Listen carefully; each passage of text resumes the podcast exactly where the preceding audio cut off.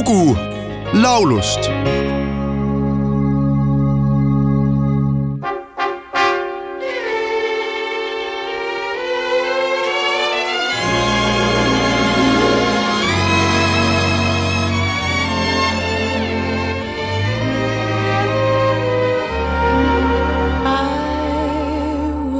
Taken for a sleigh ride in July.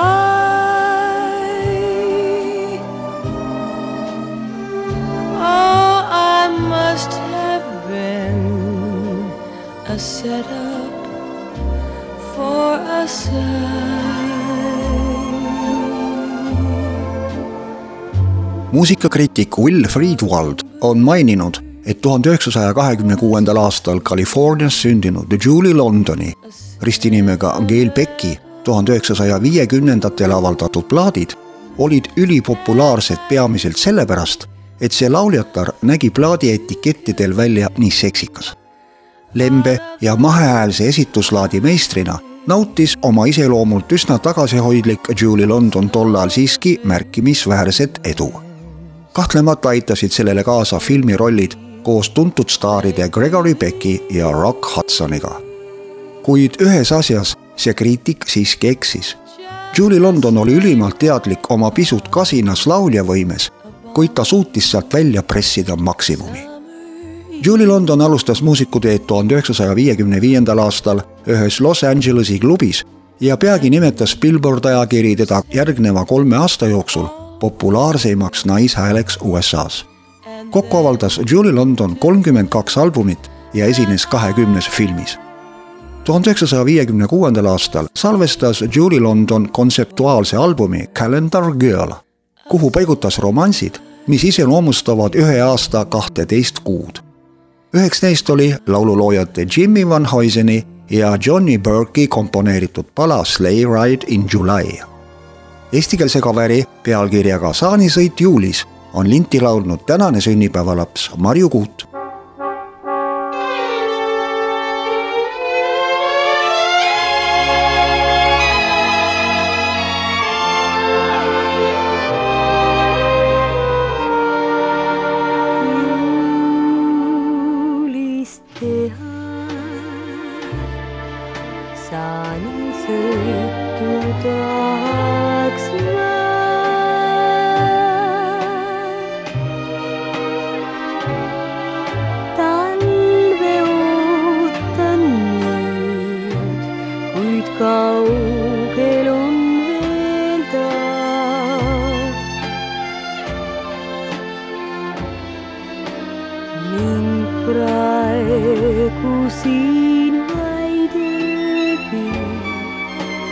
teeb rõõmu suveöös.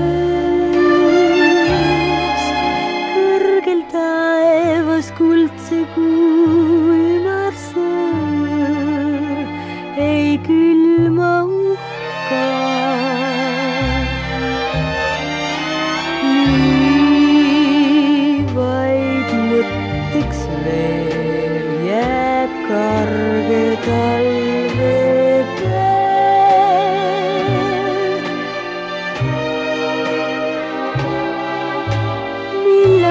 kogu maa on täis lund, heitjat jääd. kuid saabub talv ja tunne, siis jälgib mind